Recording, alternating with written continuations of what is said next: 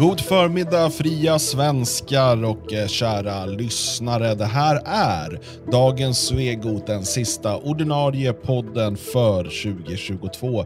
Det är den 16 december idag och jag heter Dan Eriksson och med mig via digital länk har jag Magnus Söderman och Jalle Horn.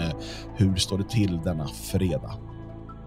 Tackar, det så bra. Underbart bra. Jag är så Ja, man känner lite, sig lite färdig med arbetet nämligen. Höstarbetet eh, börjar bli färdigt. Vad tycker ni?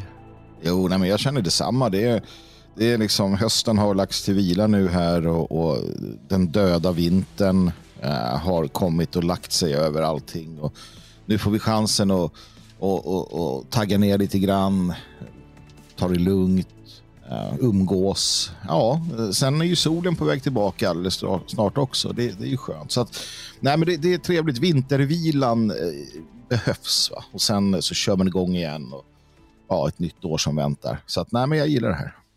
Mm. Sam mm. Samtidigt vill jag bara säga att eh, det här med den döda vintern, så om man tittar på de här eh, gamla böndernas eh, firande av hela december så är det ju ändå väldigt livfullt. Eh, även om det mesta av det gamla arbetet är tillrättalagt så är det liksom det är ett jäkla ståhej att hålla på med hela den här vinter, eh, vad ska man säga, julapparaten. Mm, mm. Men, men själva, själva grundarbetet, det känns ju lite att det har lagt sig. Det, det gjorde för mig igår. Mm. Ja. Ja, eh, och eh, sen är det ju jul och sen är det 13 dagars fest.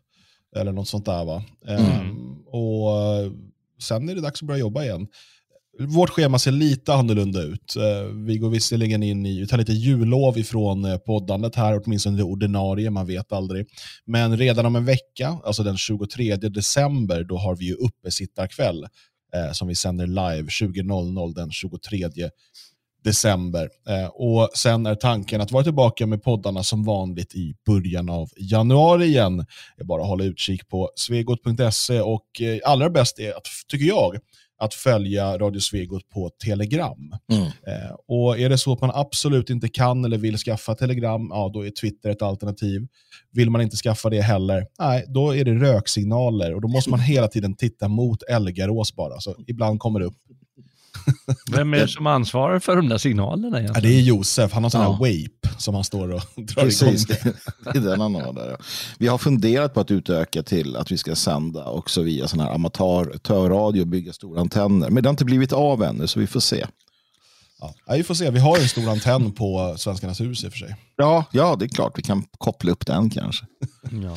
Och eh, om, om det här då råkar vara veckans och eh, säsongens eh, sista avsnitt, bortsett från uppesittarkvällen, ska vi ändå säga att på söndag, om tekniken fungerar och alla inblandade gör det de ska, då, då är det meningen att det ska komma ett avsnitt av på gamla nya stigar. Mm.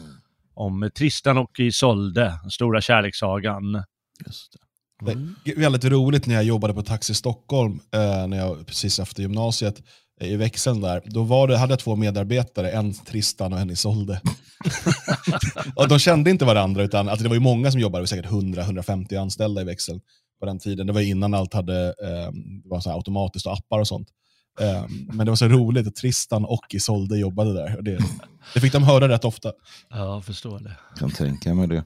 Tanken är också att i, imorgon om, om alla inblandade, det vill säga jag, äh, gör det jag ska, äh, så kommer ju en, en härden upp också. Då. Um, och jag vet inte om det är sista innan ledigheten eller om det blir en till. Det, det får man, det märker vi när, när innehållet är klart här. Antingen blir det julsagor och och liksom så, eller så blir det något helt annat. Jag, jag vet sällan vad det blir förrän jag börjar. Samma här. Samma det är här. ju också, för dig Magnus, det är ju när, när elden, liksom härden är tänd och du stirrar in i den. Vad kommer till Precis, dig? precis. Det, det är ju en, en, en nä, nästan alkemisk mental process som, som inleds varje gång. Mm. Ja, att, just, just, nu är ditt huvud fullt med bly, men det kan bli guld. Precis. Det, ja, sällan har det blivit guld. Jag, jag har samma frekvens av, av uppnådd guldfrekvens som, som de gamla alkemisterna, men någon gång så. Mm. Mm.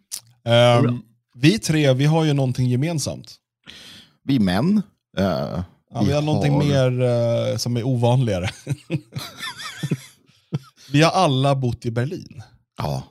Mm -hmm. uh, Och har ni följt tyska nyheterna nu på morgonen? Ja, herregud. Ja. Vilken Alltså, eh, grej. Alla har väl, utav oss har ju varit på Radisson Blue antar jag, i Ja, Berlin och gånger. sett det här massiva eh, 16 meter höga akvariet i lobbyn där. Det är ju en sån här, typiskt när man har gäster eh, i Berlin så går man ju och tittar på all, alla eh, liksom historiska platser och då brukar man ju gå förbi där, ligger ju nära domkyrkan och så, och då går man in och tittar på det här massiva akvariet och den som vill kan ju till och med åka en hiss i akvariet. Liksom, Mm. som ett, ehm, Jag, jag vill säga att jag har varit där, men jag är inte så säker på den saken.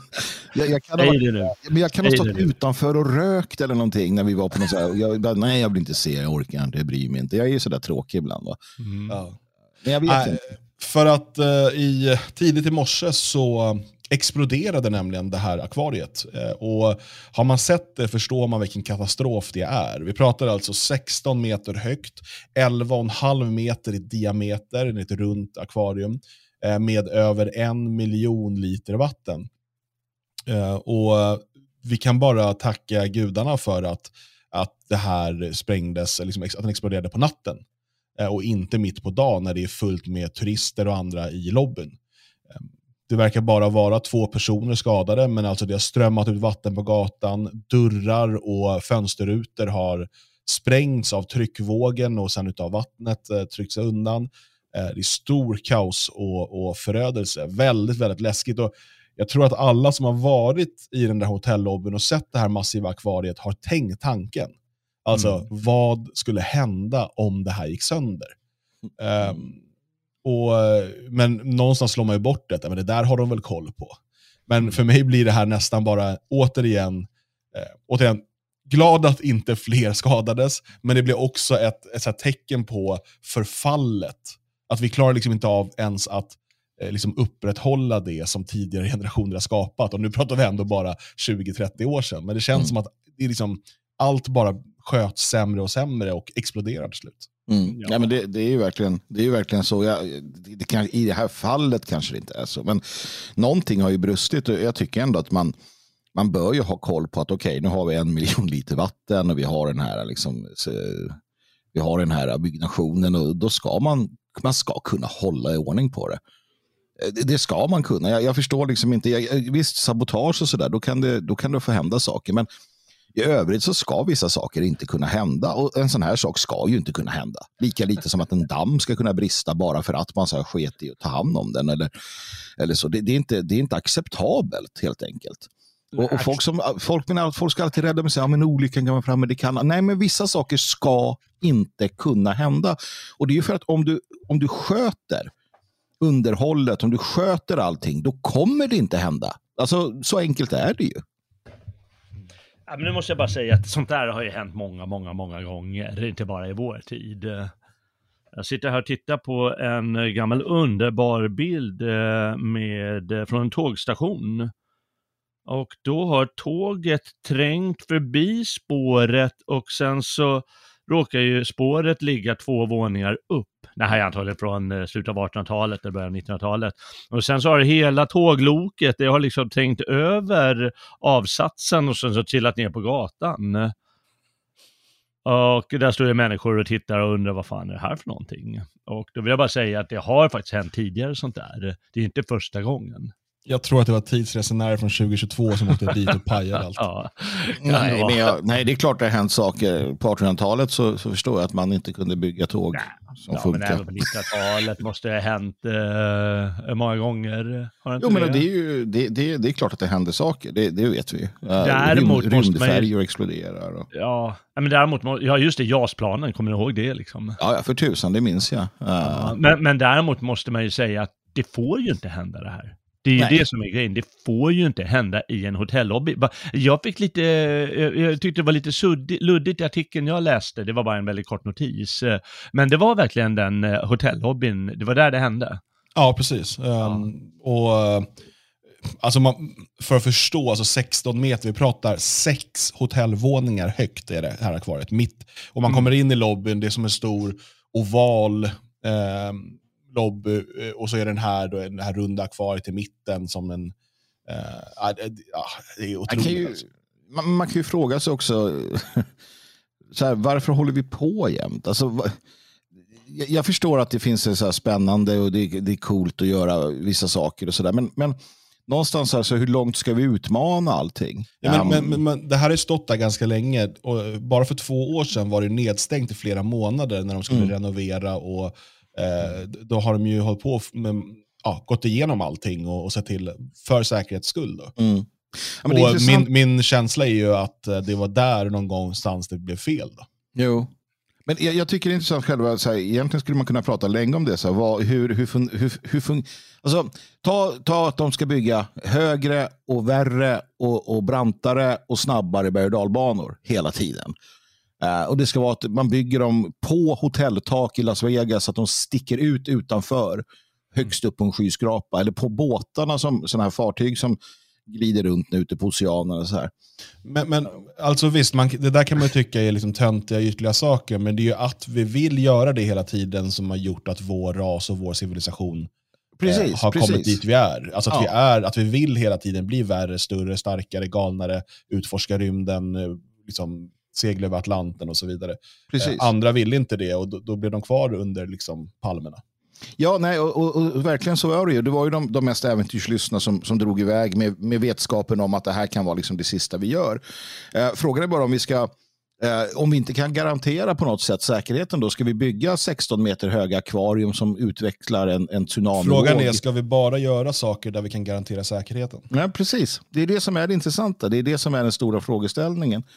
Eh, och, och hur, mycket, hur mycket säkerhet eh, krävs. Liksom. Hur mycket, hur mycket, för jag menar, vi ser ju sådana experiment som mångkultur och massinvandring helt utan ohämmat bara eh, tillåts, liksom, eh, tillåts köras på med. Eller vi ska lägga ner jordbruken alldeles oavsett vad som händer med det. Uh, och det är ingen som tänker på det. Men det här blir ju en sån sak som folk säkerligen kommer vara väldigt upprörda över. Tänk om, min, tänk om jag hade gått över min, min, mitt barn i en barnvagn när det hade exploderat. Fy fan, hur kan ni göra så här? Samtidigt som man överhuvudtaget inte bekymras över långt mycket värre ingrepp i, i våra samhällen och våra liv som på, på alla möjliga sätt och vis kommer leda till elände för människor. Så att det är som vanligt den här problematiken med att det som är nära oss, det ser vi, men det som är längre bort, det, det påverkas vi av i kanske hög utsträckning, men vi tänker inte på det. Ja, det är klokt. Klokt. Eh, vi får väl helt enkelt, man borde väl bara ha inställningen att eh, ja, men det är ett stort häftigt akvarium där och om jag är orolig för det då får jag helt enkelt gå på andra sidan gatan. Ja. Och, eh, men bara bejaka det som du säger. Jo, men det är ju samma med, med att åka, åka de här äh, fantastiska äh, berg mm. eller ta en kryssning till, till alltså tar du en kryssning till över Nordsjön eller Östsjön, ja, du kan sjunka för att det händer. Ja. Alltså man måste ju själv ta ansvar för de beslut man fattar också. Mm. Ja, eh, jag vill passa på att tacka alla er som har stöttat eh, Vinterhjälpen eh, i direktsändningen i tisdags. Eh, som du kan se på svegot.se eh, så berättar vi om de många attackerna mot eh, föreningen och de pengar som vi nu krävs på av Skatteverket. Ehm, och Vi har totalt fått in en bit över 60 000 kronor i donationer. Det är ju väldigt, väldigt generöst och vi är väldigt tacksamma för att så många eh, sluter upp och, och vill hjälpa föreningen när vi prövas på det här sättet. Eh, som sagt, sändningen kan du se på svegot.se för mer information. Eh, om du vill hjälpa till går du in på detfriasverige.se vinter. I gårdagens program så nämnde vi också att Joakim Lamotte stod åtalad för grovt förtal av näthatsgranskaren Thomas Åberg. Det är inte jag som kallar honom för det, utan det är så han är döpt. Eller nej, det är han inte, för han har bytt namn. Eh, men det ska vi inte prata om, för vi får inte prata om honom, för han är ingen offentlig person. nej, precis. Mm. Inte ens nu det blir svårt det här att prata. Man får väl nämna hans namn? Va? Men ja, det vet jag inte. Men den här killen, så här då, den här killen som många... Vi kan kalla honom för Omar Tåberg. Precis, uh, kan vi göra. Åmar med Å. ja, men jag vet inte. Det, det, det, blir ju löjligt där. För han, han vinner ju hela tiden känns det som. Uh, så, fort han, så fort han börjar anmäla folk som har nämnt någonting om honom. Han är ju satt där i system. Uh, och, och det, det, blir ju svårt för det är ju en nyhet då. Men frågan är, får man ens prata om det då? Liksom? Det är det här som, som, som blir liksom konsekvensen av deras de driver på för, för att eh, jaga meningsmotståndare. Det är vad de ägnar sig åt. Näthatsgranskan med flera. Med flera. Uh, och sen skapar de liksom en, en, ett, ett, eh, ett, sätter det i system. Uh, vilket gör att hela liksom, debatten och diskussionen, det blir bara dumt och det blir förbjudet och det blir löjligt och det blir, um, ja, står inte ut med att, att, uh, det, att, att råka ut för det själva som de utsätter andra för. Och det är väl det som är det mest, ursäkta det, liksom jävliga i det här tycker jag. Mm. Mm. Ja, alltså Lamotte döms ju då eh, och eh, han ska då betala Thomas Åberg, eh, eller Omar Tåberg, 20 000 kronor. Han ville ha 100 000 kronor, men rätten till 20 000 räckte eftersom att Lamotte också ska betala då 120 dagsböter, att 250 kronor, så 30 000 där, plus 241 400 kronor plus utlägg för eh, Omar Tåbergs advokat Karl Söderlund, eller Sarl Köderlund, jag vet inte om man får säga hans namn. Nej, det är inte... Eh, eh, som, eh, ja, för, för hans eh, kostnader då för, för advokat. Um, så vi pratar här om en uh, över 300 000 kronor um, som då Lamotte ska betala för den, detta förtal utav, grova förtal utav Omar Tåberg. Mm. Men någon måste ju hjälpa mig med den där domen. Berätta, vad, vad är ditt problem? Ja, men hur, hur hårt förtal kan det vara? Han säger att, eh, att någon har gjort någonting med djur. Och så ja. har lagt ut det på sin eh, Facebook-sida eller någonstans, eh, hemsidan har. Och eh, så har det varit dispyt om huruvida han är offentlig person eller inte. Och tydligen så menar rätten att han inte är en offent tillräckligt offentlig, eller vadå? Precis, alltså enligt, eh, enligt Joakim Lamotte och brottsregistret så är, är den här Omar Tåberg dömd för ett brott. Mm. Um, och då berättar han om, om det, Lamotte. Mm. Um, och då blir han stämd för förtal. Och förtal betyder inte att du har ljugit. Um, som man kan tro. Uh, mm. Utan här då ska det vara skäligt och sådär. Och då menar de att han är inte tillräckligt offentlig. och Lamotte menar ju vidare då att uh, och, uh, Tåberg uh, ständigt ljuger i rätten om sin inblandning i det här, äh, den här föreningen Näthatsgranskaren. Men bara återigen, Näthatsgranskaren, föreningen som då drevs av Omar Tåberg och, och hans kumpan, eh, finansieras alltså genom skattemedel. Han deltar massa gånger i media som en expert på näthat. Eh, och eh, dessutom omskrivs väldigt ofta. Men det räknas alltså inte som en offentlig person. Jag, som, jag skrev på Twitter igår att för mig som lekman är det helt omöjligt att förstå det här. Men uppenbarligen är, måste det ju vara så rent juridiskt, för nu har ju rätten kommit fram till det flera gånger. Mm. Att mm. han är inte att betrakta som en offentlig person. Jag, jag kan inte heller vara betraktad som en offentlig person då. Men han har ju, de har ju visat i rätten hur han själv har framställt sig och krävt att han ska behandlas som en offentlig person. Det står ju i rättegångshandlingarna. Hur han har skickat dokument om det till Skatteverket eller någonstans. Ja. Och då menar han ju själv att han är det och eh, vill, eh, eh vill, vill, vill eh, säkerställa att det verkligen är så. Men sen så är det ändå inte så alltså, enligt rättens principer. Ja, när han känner för det, då är han det och när han inte känner är han inte det. Precis. Men det är ju inte ett rättssäkert samhälle om någon ska få, få laborera på det sättet. Nej, men sen hela den här, det, det hela den här och, och det, det, kanske ligger lite utanför juridikens område, men egentligen så tycker jag att det inte borde göra det. Om du ägnar dig åt att vara delaktig i drev mot människor som tycker saker som du inte tycker eh, och att du opererar inom ramen för vad lagen tillåter att du, att du gör det och det, det förväntar jag mig att näthatsgranskaren då har gjort. Precis som att en sån som eh, David Bas och andra opererar inom lagens råmärken. Det brukar de ha koll på. Men där bör rätten i, någon, i, något, i, i, ett bra samhälle titta på så här och säga att ja, men vänta nu. Här har du gjort allt det här och nu säger någon tillbaka någonting och det är också inom lagens råmärken. Och då, då är det så här, du har gett dig in i leken. Nu får du leken tåla. Det borde vara en praxis i ett i så vettigt samhälle kan jag tycka. Men här är det ju verkligen inte så. Utan, utan, det är ju verkligen den här att, att de ägnar all tid och har enorma resurser eh, åt att ja, göra illa människor, skada människor, på olika sätt och vis förstöra för människor.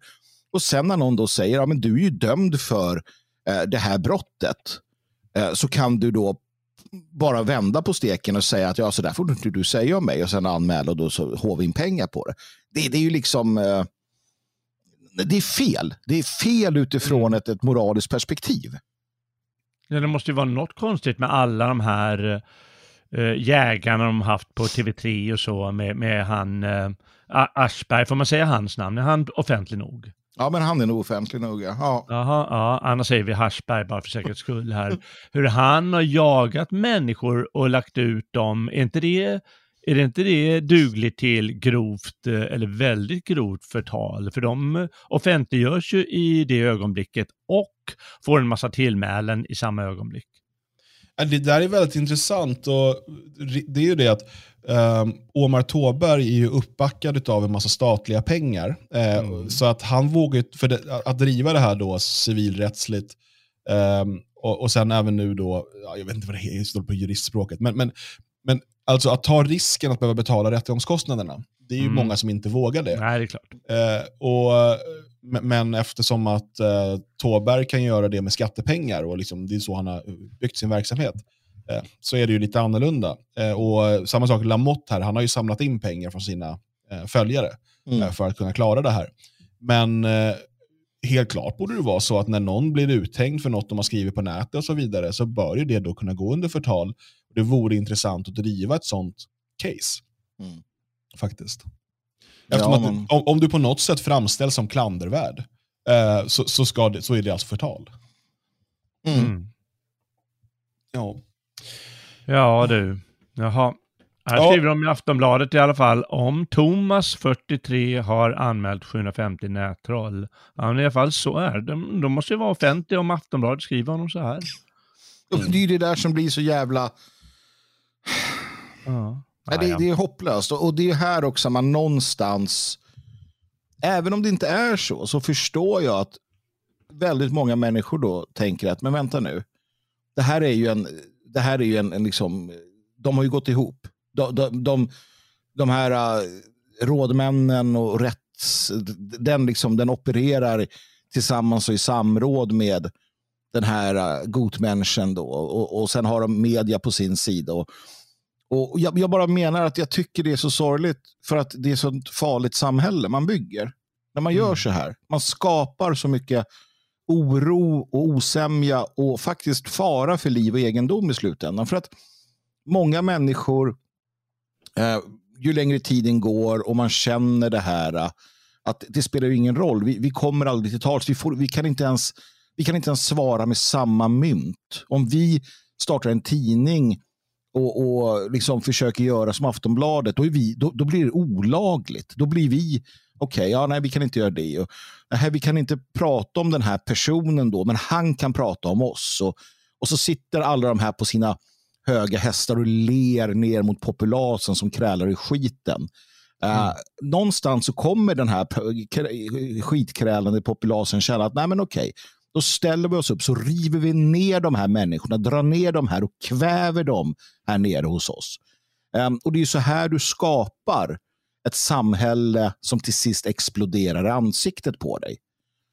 Uh, och de gör bara om samma, uh, samma så att säga, misstag som har gjorts så många gånger tidigare i historien. Och då, det är tråkigt för att jag menar, vi har barn och jag vill att de ska växa upp i ett samhälle som, som är stabilt och där man kan prata om saker. Och så här. Men de de här människorna, sådana som den här eh, Åberg och andra, de driver emot mot ett samhälle eh, som, som till sist exploderar för att, att, att liksom orättvisorna blir så tydliga. Det är i alla fall min, min där spontana känsla och det gör, gör mig ont.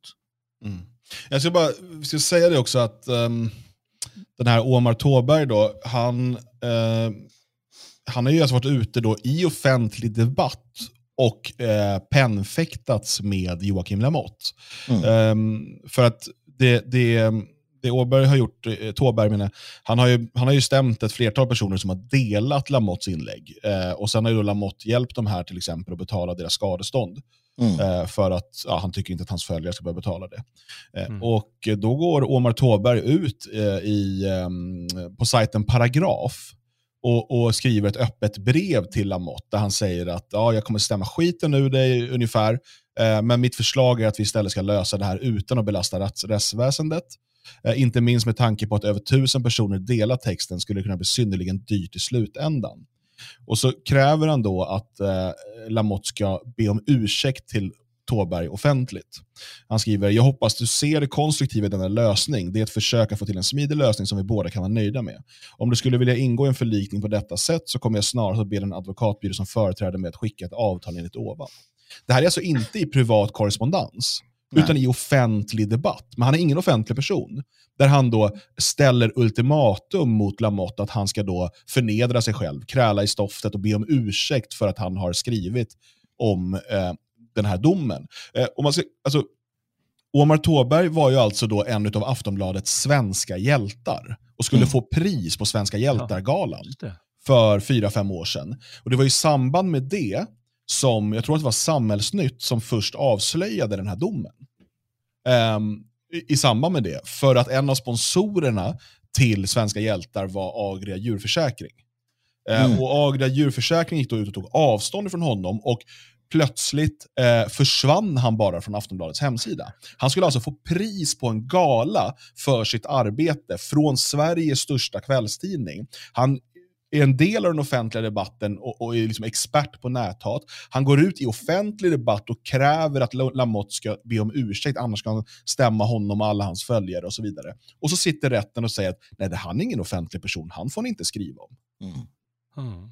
Och hela tiden samtidigt som man kräver dessa saker, orimliga saker, den här, eh, vet jag, Tåberg, eller vad heter han? Omar Tåberg, precis så Ja, Omar till och med, ja. Så är han uppback, uppbackad av något vi kallar den djupa staten då. Mm. Mm. Ja. det är skrämmande. Precis som du säger Magnus, någon gång så ser folket, eh, lägger, ser faktiskt det här klart för sig, vänta nu, Omar, eh, orättvis rättegång, djupstat, uppbackning, får mm. pengar, går på, går på folk eh, orättfärdigt. Ah, nu gör vi någonting. Det, mm. kom, all, det har alltid hänt sånt. Mm.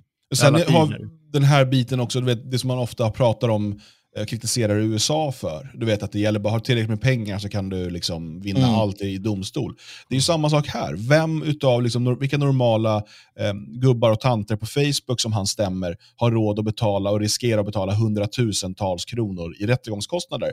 Och istället så betalar de de här 10 000 som han kräver. Han mm. sitter ju liksom och, och, och trycker, alltså, Omar Tåberg, ingen annan, eh, sitter alltså och trycker pengar genom att skicka ut fakturor till folk eh, och säger att okej, okay, antingen betalar du det här eller så kommer jag dra dig till rätten och då riskerar du att bli liksom 50 gånger dyrare. Mm. Eh, och det är ett, ett vidrigt system. Mm. Ja. Ja, visst är det visst är det. Och, som sagt, eh, så har man då någonstans, eh, vilket jag då hävdar eh, att han har, rätten på sin sida. Och då menar jag inte den moraliska, inte heller ens den nödvändigtvis den, den juridiska. Men vi vet ju alla att juridiken i Sverige är ju uh, det är ju ett, ett, eh, ett gungfly. Det är, ju, det, det, är ju helt rättsosäkert för att det handlar bara om rättens nyckfullhet vid, vid varje givet tillfälle. Um, men, men har man det ja, på sin sida, då, då är du körd någonstans. Så jag förstår ju varför folk betalar de där 10 000. För vad fan ska de, de, de ser ju vad som händer annars. Det, det är ju liksom en del av hela den här liksom, maffialiknande strukturen som, eh, som, som de här människorna eh, tjänar. Eh, eller så att, gör sig betjänta utav. Liksom. Det, det, här är ju en, ja, nej, men det, det är så väldigt, eh, väldigt eh, osmakligt. Alltså. Mm. Um, vi har fått ett mail med förslag på en låt som vi ska lyssna på. Jag har klippt ut ett stycke ur den låten. Och Det är en, en ny låt av en Adam Kanyama. Jag antar att ni inte har någon aning om vem det är. Jag känner inte till honom. Så att jag har gjort research åt er. Tack.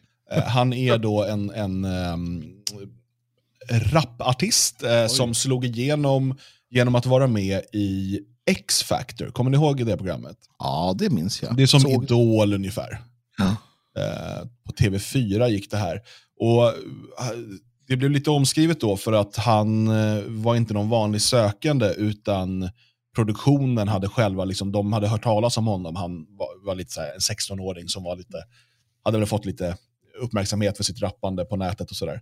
Mm. Så de hade sökt upp honom och sagt, men kom hit, vi kommer göra det till stjärna. Liksom. Mm. Um, och det var där han slog igenom då, för något tiotal år sedan. Och så har han släppt ett gäng skivor på sitt skivbolag på EMI, uh, eller EMI.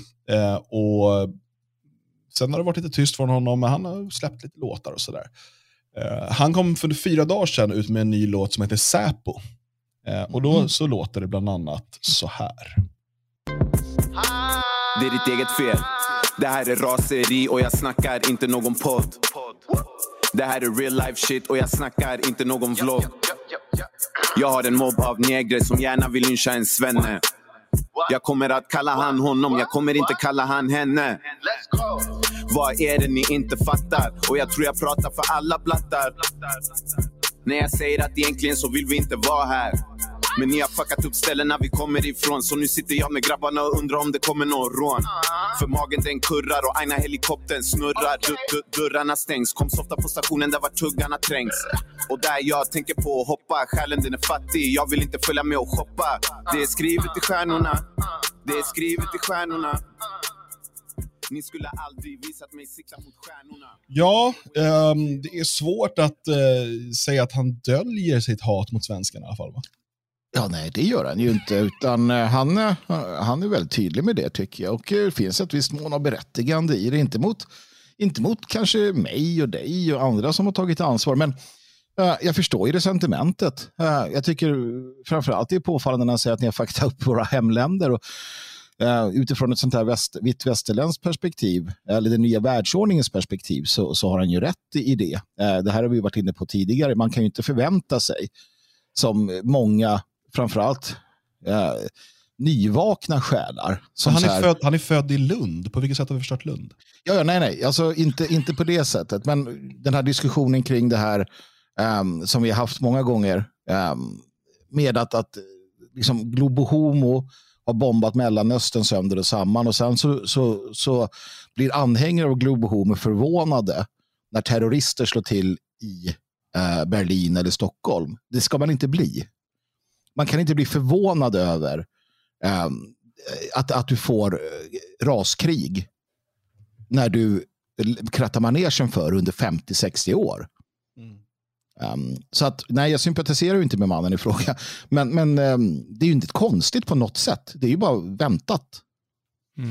Ja, eller som Göteborgs-Posten um, skulle ut, uttrycka det i en artikel om honom. Kanyama utmanar vithetsnormen. Mm. Det är det här som är det farliga. och det är att Göteborgs-Posten kanske inte förstår att det Kanyama gör och säger är på riktigt. Alltså, titta på, på vad som hände i San Domingo. Titta vad som hände efter att eh, kolonialmakterna när de faller. Eh, när de vita då eh, förlorar eh, initiativet i sina egna civilisationer eller hemländer eller i tidigare då eh, övertagna eller så kultiverade stat. Alltså det som händer är folkmord. Uh, och det är det han pratar om här i grund och botten eh, en önskan från, som han kallar då, blattar att, att, att, att, ja, kriga mot svenskar. Döda svenskar. Han var tydlig med mörda. Ja, mörda ja. ja. Um, och, och, Det är inte ett uttryck för någon så här uh, checkkultur eller så här edgy. Eftersom det är på riktigt. Liksom. Och det, det, är det vi har hört från USA. Så den här typen av musik som kommer i den här typen av svarta separatistiska, rasistiska eller liknande. Han menar allvar. Så är det ju bara. Och han, han uppmuntrar och eh, försöker att, att ägga sina, eh, sina lyssnare till att begå den här typen av handlingar. Så enkelt är det ju. Det är det han hoppas. Mm. Um, Um, ska säga då också att eh, alltså, det här är ingen, ingen helt liksom, perifer artist i den här världen. Uh, det är viktigt för att jag menar, det kan komma lite vad som helst. Det var ju någon som rappade om dig Magnus, var det? Ja, just det. Han, skulle, jag skulle ju mördas då. Ja. Uh, jag kan bara säga att uh, Adam Kanyama då, han har ju bland annat gjort låtar tillsammans med uh, Timbuktu som vi har pratat om tidigare. Mm. Timbuktu som också kallade Kanyama för svensk hiphops framtid. Um, och eh, alltså, som sagt, ligger eller låg på eh, ett av de absolut största skivbolagen. Eh, har gjort eh, liksom, musik till flera stora svenska tv-serier. Eh, och, och, sådär. Och då lyftes fram via eh, då Bonnier-ägda TV4s X-Factor. Eh, och, och, som du säger Magnus, det gäller att förstå allvaret i det här för att nu kommer tusentals invandrarkids eh, sitta och lyssna på de här låtarna eh, medan de sitter och förfestar, röker gräs eller vad fan de nu gör för någonting. Eh, och, och liksom bli inspirerade till, känna att liksom, ja fan det är de där jävla svennarna, vi ska mörda dem, vi ska råna dem. Eh, och, och, det här är ju bara ett av många exempel. Stora delar av hela den här musikgenren, om det inte går ut på att liksom vara allmänt kriminell, våldta, knarka, så är det ett hat mot Sverige och svenskarna som ligger där i grunden. Mm. Vad säger, eh, vad säger eh, Jalle om det här? Uh, skulle jag vilja veta hur du tänker. Jag tyckte det lät för jävligt. ja, det var inte din musik. Aha, nej, nej, det var det inte. Men uh, nej, det är helt bedrövligt. Det är så skrämmande. Och en sån där som Timbuktu, eller vad han kallar sig, som han vill leva här ostört och få alla privilegier och samtidigt vill han hata. Mm. Alltså, det är ju så absurt det bara kan bli. Jag kan ja, förstå där... någon grinig, som du sa, förortskid som, eh, som lever lite tarvligt och uh, måste hanka sig fram. För han vill ju liksom inte bli del av eh, det här. Och det, det kan man ju också fatta. Att han blir kriminell och sen så vill han mörda och sådär. Men jag fattar inte de här killarna riktigt. Jag förstår inte. Fast jag förstår inte budskapet heller. Men det där är, det är ändå lite intressant också tycker jag för att ta Timbuktu då. Um, som lyfts fram. Alltså, det är samma sak där. Man förstår inte, tror jag, det faktum att han, han håller ju med om de här sakerna. Ja, han gör ju det. Han vill ju att det ska ske. Ja, han vill att det ska ske. Um, precis som jag vet, man, man uh, så här, uh, Muhammad Ali var en sån fantastisk människa. Så. Jag har all respekt för Muhammad Ali. Men han var också black muslim. Mm. Han, han stod för en religiös och filosofisk idé om att vita människor var jävlar. Eh, judar också därtill då, eh, på ett annat sätt. Eh, han stod för svart överhöghet och så vidare. När han sitter och, och, och liksom, eh, pratar i, i eh, klipp på tv och så där som folk tittar på uppmuntrar och så, så, så måste man förstå att det är en svart rasist som eh, mer än gärna ser liksom en undergång för sina rasliga fiender. Och det är samma, Timbuktu har ju de idéerna uppenbarligen och den här andra människan och alla de här, de står ju för inte, det, är inte, det är inte nödvändigtvis så att de, att de själva har rätt ut sin ideologi eller att de liksom förfäktar en viss inriktning som, de, eh, som, som är klartänkt. Och så. Det är inte alls det jag menar, men den här grundläggande, det här grundläggande hatet och och en instinktiv förståelse för raskriget. Det har de ju utan tvekan. Det hör man ju när han sjunger. Och det är mm. de färgade massorna mot den vita eh, människan. Det är det det står om. Um, och ja, att, att Göteborgs-Posten, ja, det, det, är ju häpnadsväckande, men det är därför också de vita eh, folken eh, ligger så pyrt till. Det är för det här enorma självhatet eller oförmågan mm. att förstå hotet mot oss. Mm. Ja, jag kan ju förstå någon, ja, men någon så här skivproducent att ja, men här finns ju pengar att tjäna. Och det är coolt. Och så det är den då moraliska ursäkten för att han publicerar sånt som egentligen bara borde ja, men, köras in i munnen på den här killen. Mm.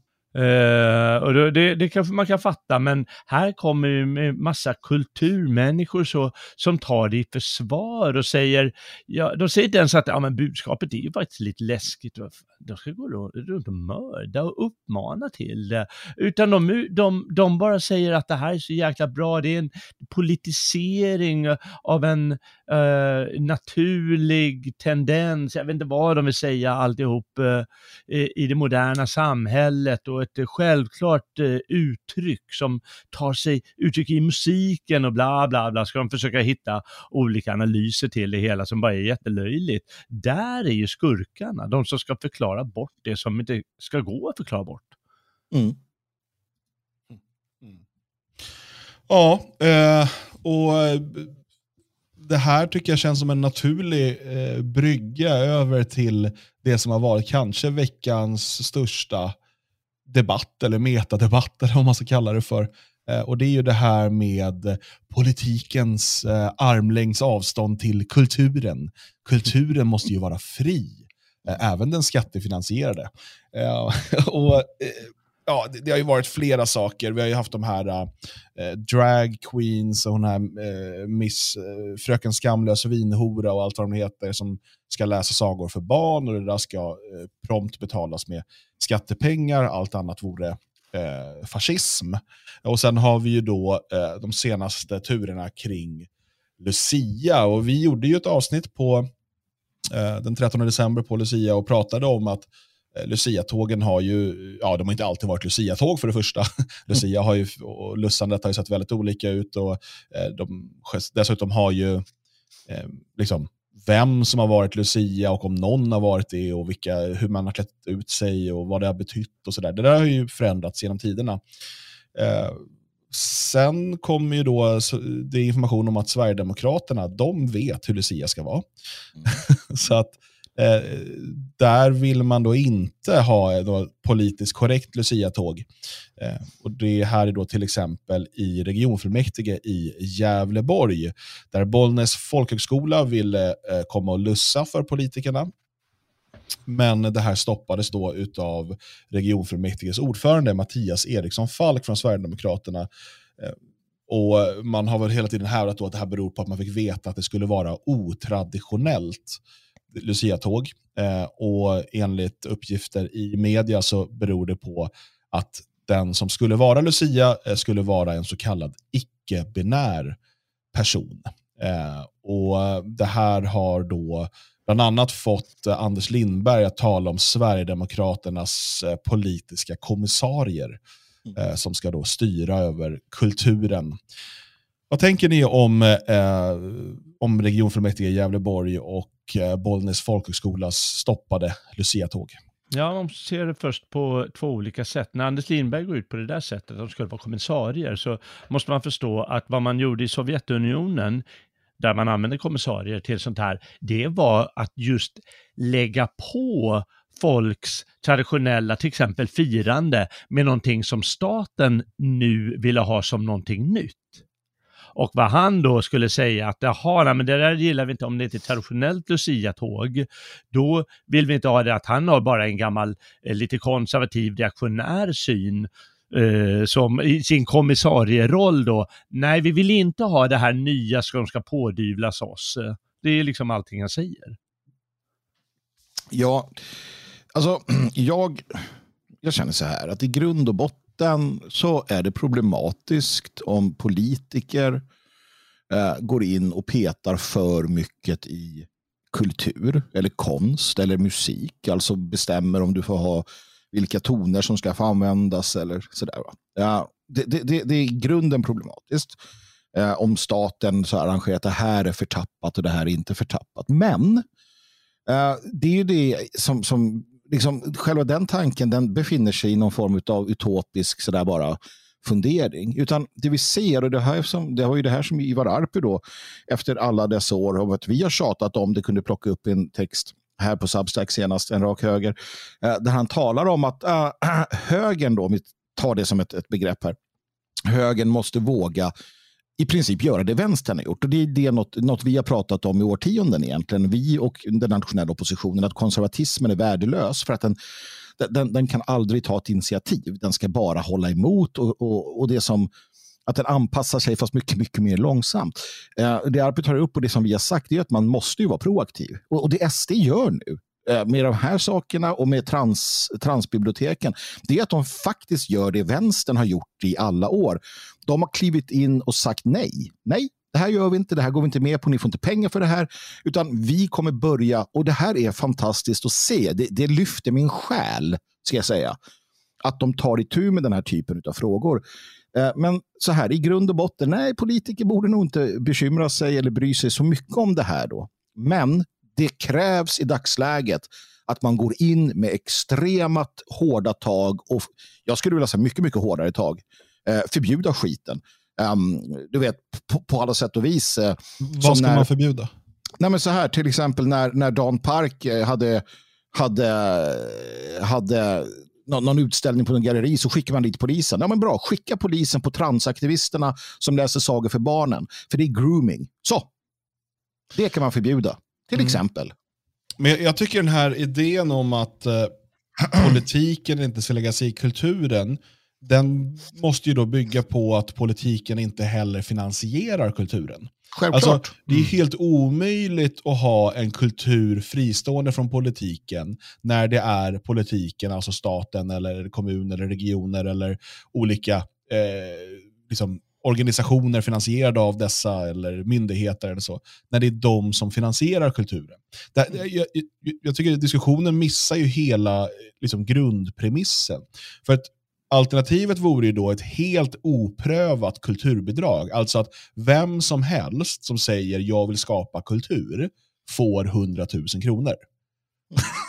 alltså mm. att det skulle vara så det funkar, men så är det ju inte. Utan du kan, du, på olika sätt beroende på vilken typ av kulturstöd du vill ha, eh, så gör du ju ansökningar om det och då måste du uppfylla vissa kriterier.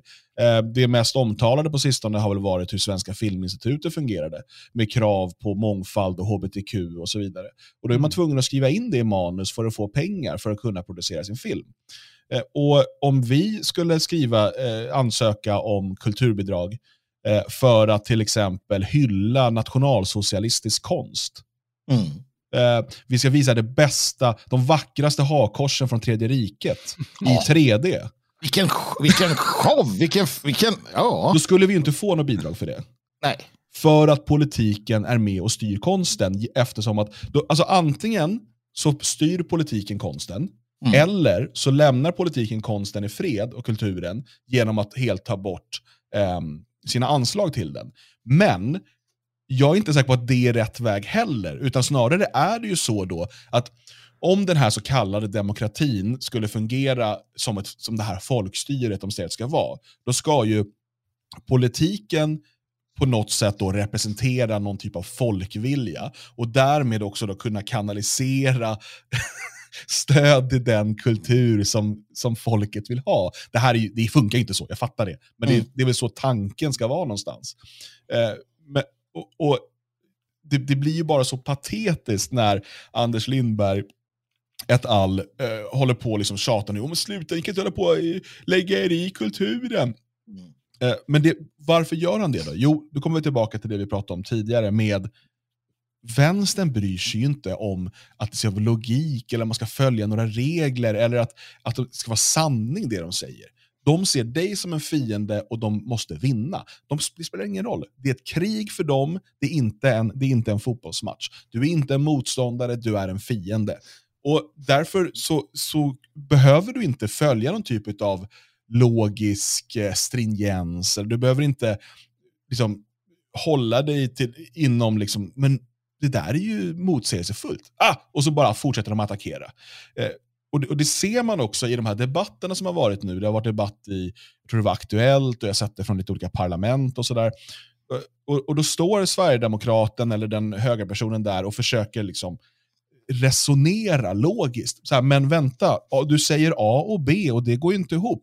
Medan vänsterpersoner som går upp går bara upp och säger du är ond, du är ond, du är ond. Mm. Och det är så debatten ser ut. Och det är så det alltid har sett ut. Och Det är därför vi gör oss själva en otjänst när vi försöker förstå hur Lindberg tänker. Mm. För att han tänker inte, han känner. Mm. Ja. Man, du har helt rätt, man, må, man, måste angripa de här på annat sätt. Man kan använda de här att de är ologiska och så vidare, men man måste, man måste lägga ut det som att de är pinsamma och att de är korkade och att de är elaka och så vidare. Det vill säga eh, tala till folks känslor istället. Precis som de gör. Fast de gör det ju väldigt lumpet många gånger. Och, och pinsamt. Och då måste man slå tillbaka på samma sätt. Istället för de här eh, alldeles för vad ska jag kalla det, billiga eh, idéer om att de ska ha logisk stringens eller något sånt. Nej, det går inte hem. Du har rätt. Mm. Nej, men så är det. Precis. Uh, Nej, men jag, jag, jag säger ändå att jag är positiv till att uh, jag är väldigt positiv till att se att Sverigedemokraterna har tagit både Lucia eh, ja. och, och, uh, och transgrejerna. För jag, jag, jag, förväntade mig väl inte riktigt det. Eller någonstans så förväntar jag mig att SD ska agera på ett, på ett sätt. Men, ibland, men, men ändå inte, för att man vet ju. Alltså Nej. SD. Nej. Och då blir jag ändå glad. Och, och att det här då, att det, det, började med transgrejen och sen så har det fortsatt med Lucian. Och att då och det är det här som blir spännande. Nu är det riktigt spännande. För att har ni hört hur Liberalerna, eh, Moderaterna, Kristdemokraterna, hur de har tjutit om hur fel det är att SD har gjort så här? Nej. Nej. På riksnivå hör du ingenting. Och det är för att man har ett Tidöavtal. Makten framför allt. Det, det är det här folk måste förstå.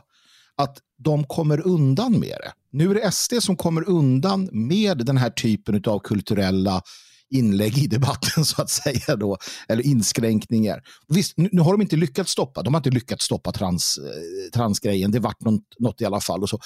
Men paradigmskiftet är ju på riktigt. För att nu på ett helt nytt sätt så, så eh, får det tyngd. Ja. Och det tycker jag också är jäkligt intressant att se i sammanhanget. Mm. Nej, jag, alltså, jag, jag, håller med. Uh, man är tvungen, när man går in på den här spelplanen så är man tvungen att uh, liksom, uh, spela spelet och, och, använda sig av de här verktygen. Och, och vi kan inte lämna walkover och bara låta vänstern driva på med sin kulturpolitik. För att de låtsas ju att de nej men vi har ingen kulturpolitik, vi har bara frihet. Men så mm. är det ju inte. Jag såg också om det var Linneberg eller Strandhäll eller någon av de här skrikerskorna som sa det, när det gäller det här med drag queens. Bara, folk ska väl få klä sig hur de vill. Kommer hon argumentera likadant när vi nu här ikväll dyker upp utanför synagogan i SS-uniformer? Ja, just det. Just det. Jo, men, men var, det, var, nej, för då kan någon väcka anstöt. Mm. Nej, ja. Det kan kännas jobbigt för dem där inne. Mm. Men, men, men eh, män som klär ut sig till liksom, eh, slampor med jättetuttar, det kan inte väcka anstöt. Mm.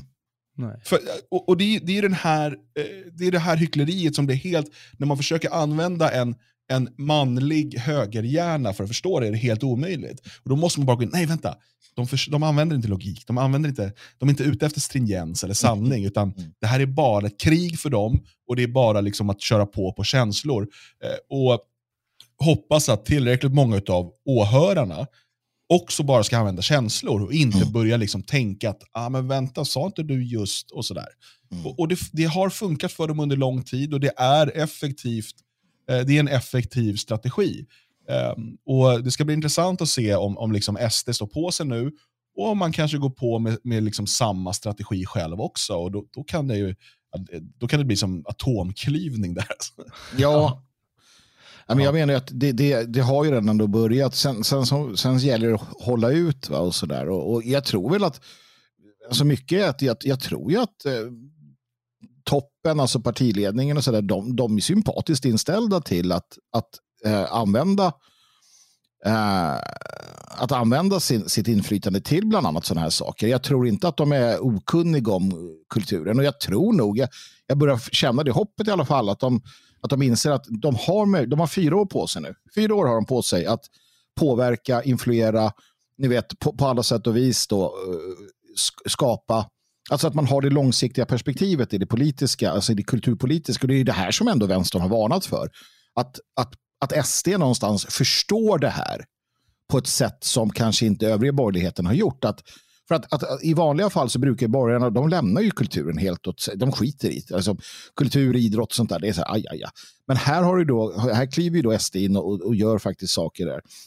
Um, och det är, det, det är mycket positivt. Som sagt. Det så det här ska vi, ja. Ja, men det är det. I, eh, vi pratade om Michel Ulbeck för uh, några dagar sedan. Och i hans eh, så här, förrförra eller förrförra bok Underkastelse, där ett eh, muslimskt parti då eh, vinner, eller delaktighet i, i makten i Frankrike, då kräver det partiet eh, en enda ministerpost och det är utbildningsministeriet. Mm. Och de kunde lika gärna säga kulturministeriet. Mm. Därför att det spelar roll. Det spelar mycket mer roll än man tror sånt där.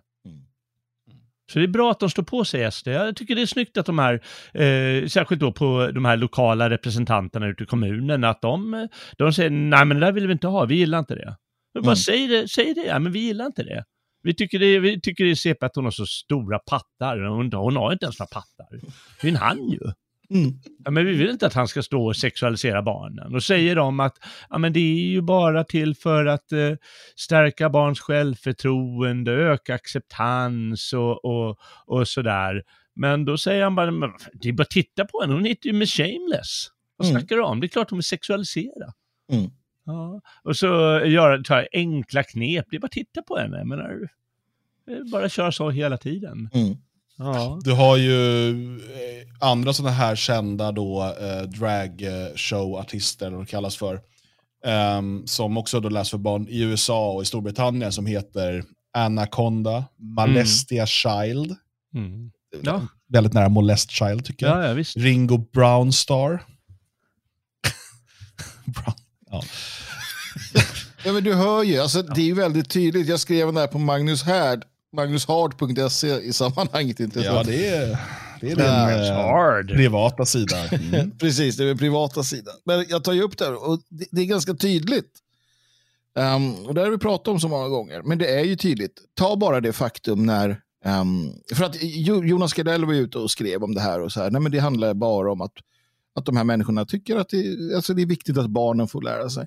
Sen har du ju då inom hela hbtq, framförallt den manligt homosexuella rörelsen, så har du en idé om eh, som han tar upp och det förklarar sin SvD-artikel för några år sedan. Så här, hur, hur Jonas Gardell som 14-åring hängde på Klara, eh, Klara Norra, tror jag det var, eller Klara, Söder, jag kommer inte ihåg. Och, och typ eh, prostituerade sig till gamla bögubbar. Um, ibland fick han betalt ibland fick han, behövde han inte få betalt för den här homosexuella närheten.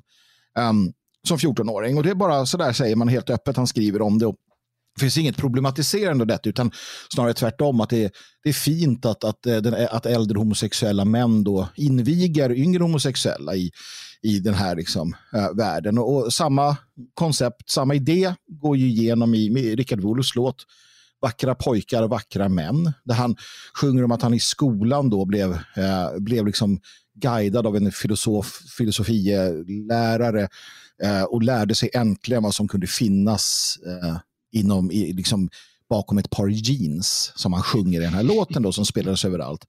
Eh, refrängen är vackra pojkar, vackra män. Jag borde ha tänkt på något annat, men jag tänkte på och så vidare. Alltså, det, det, det är den här gamla bögubben Rickard Wolff gick runt och tänkte på. Det var vack, vackra pojkar, nakna pojkkroppar och så vidare. Och det här spelas överallt och, och så vidare. Det är grooming. HBTQ grooming. Hela den här transgrejen det är grooming, grooming, grooming för att öka acceptansen för eh, pedofili för att eh, invagga barn i en, en fullständigt pervers eh, åskådning kring detta med sexualitet och för att sexualisera barn. Det är vad det handlar om. Ingenting annat och det måste vi alltid komma ihåg och alltid säga eh, öppet och ärligt och bekämpa naturligtvis. Ja, men måste tänka på att de måste stå på sig. Det är där det händer. Det är jättebra att de går ut nu, men de måste stå på sig, precis som du säger här nu. För på, var det här kommer ifrån, det är liksom någon organisation i San Francisco givetvis, eh, som heter dragstoryhour.org. Mm. Och de har, liksom, eh, eh, de har kämpat för det här nu i, i, i, några år, alltså det är inte 20-30 år, utan det, är- det, det är några år tydligen. Mm. Och eh, då står det på deras hemsida, any insinuation that we have an agenda to indoctrinate children misunderstands LGBTQ-grejerna då, experiences and is rooted in homophobia Mm. and transphobia. Skit i när de kommer med de där fåniga argumenten. Mm. Gör som de, här säger, som de säger, ja men vi anser inte att eh, kulturnämnden ska, ta, ska betala för sånt här. Nej. Bara komma med sådana enkla undanflykter.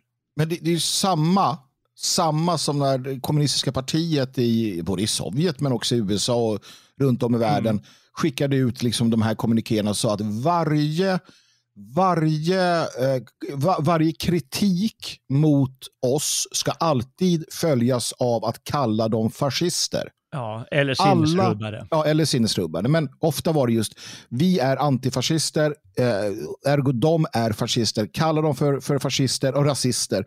Det var också det som, som Trotsky hittade på där, eller det gänget. Mm. Rasism, ras, eh, fascism, att kalla alltid fienden för detta. Fienden är detta. Och det här jobbar man med än idag och man har då fått hela högen med sig. Man har fått hela högen, hela den konservativa rörelsen. Alla är med på att kalla dem fascister, det vi inte gillar. Och så har det bara blivit dumhet och allting. Samma sak gör ju hbtq-rörelsen eh, här. De säger så att om någon ifrågasätter varför fröken eh, skamlös vinhora eller child molester eller vad hon hette den där andra. Om någon ifrågasätter varför de ska sitta med barn i knät och läsa böcker på bibliotek, mm. kallar dem för homofober, kallar dem för hatare, kallar dem för rasister.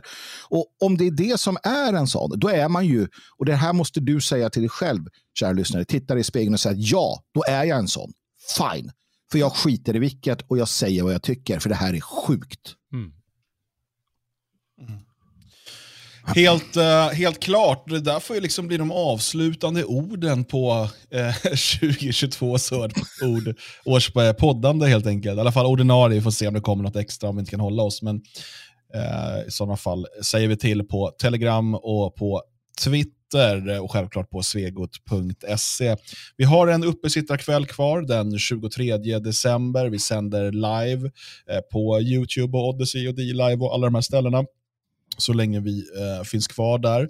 Eh, och Det är som vanligt med Uppstakvällen, vi gör dem, den lite tillsammans. Vi har några fasta segment som jag tycker vi ska hålla oss till. Vi eh, kommer läsa julevangeliet, vi kommer läsa tomten, eh, vi kommer eh, prata jul eh, och vinter och, och sånt där rent allmänt. Men sen är det mycket upp till dig som tittare och lyssnare. Eh, vi kommer ha möjlighet till eh, inringningar.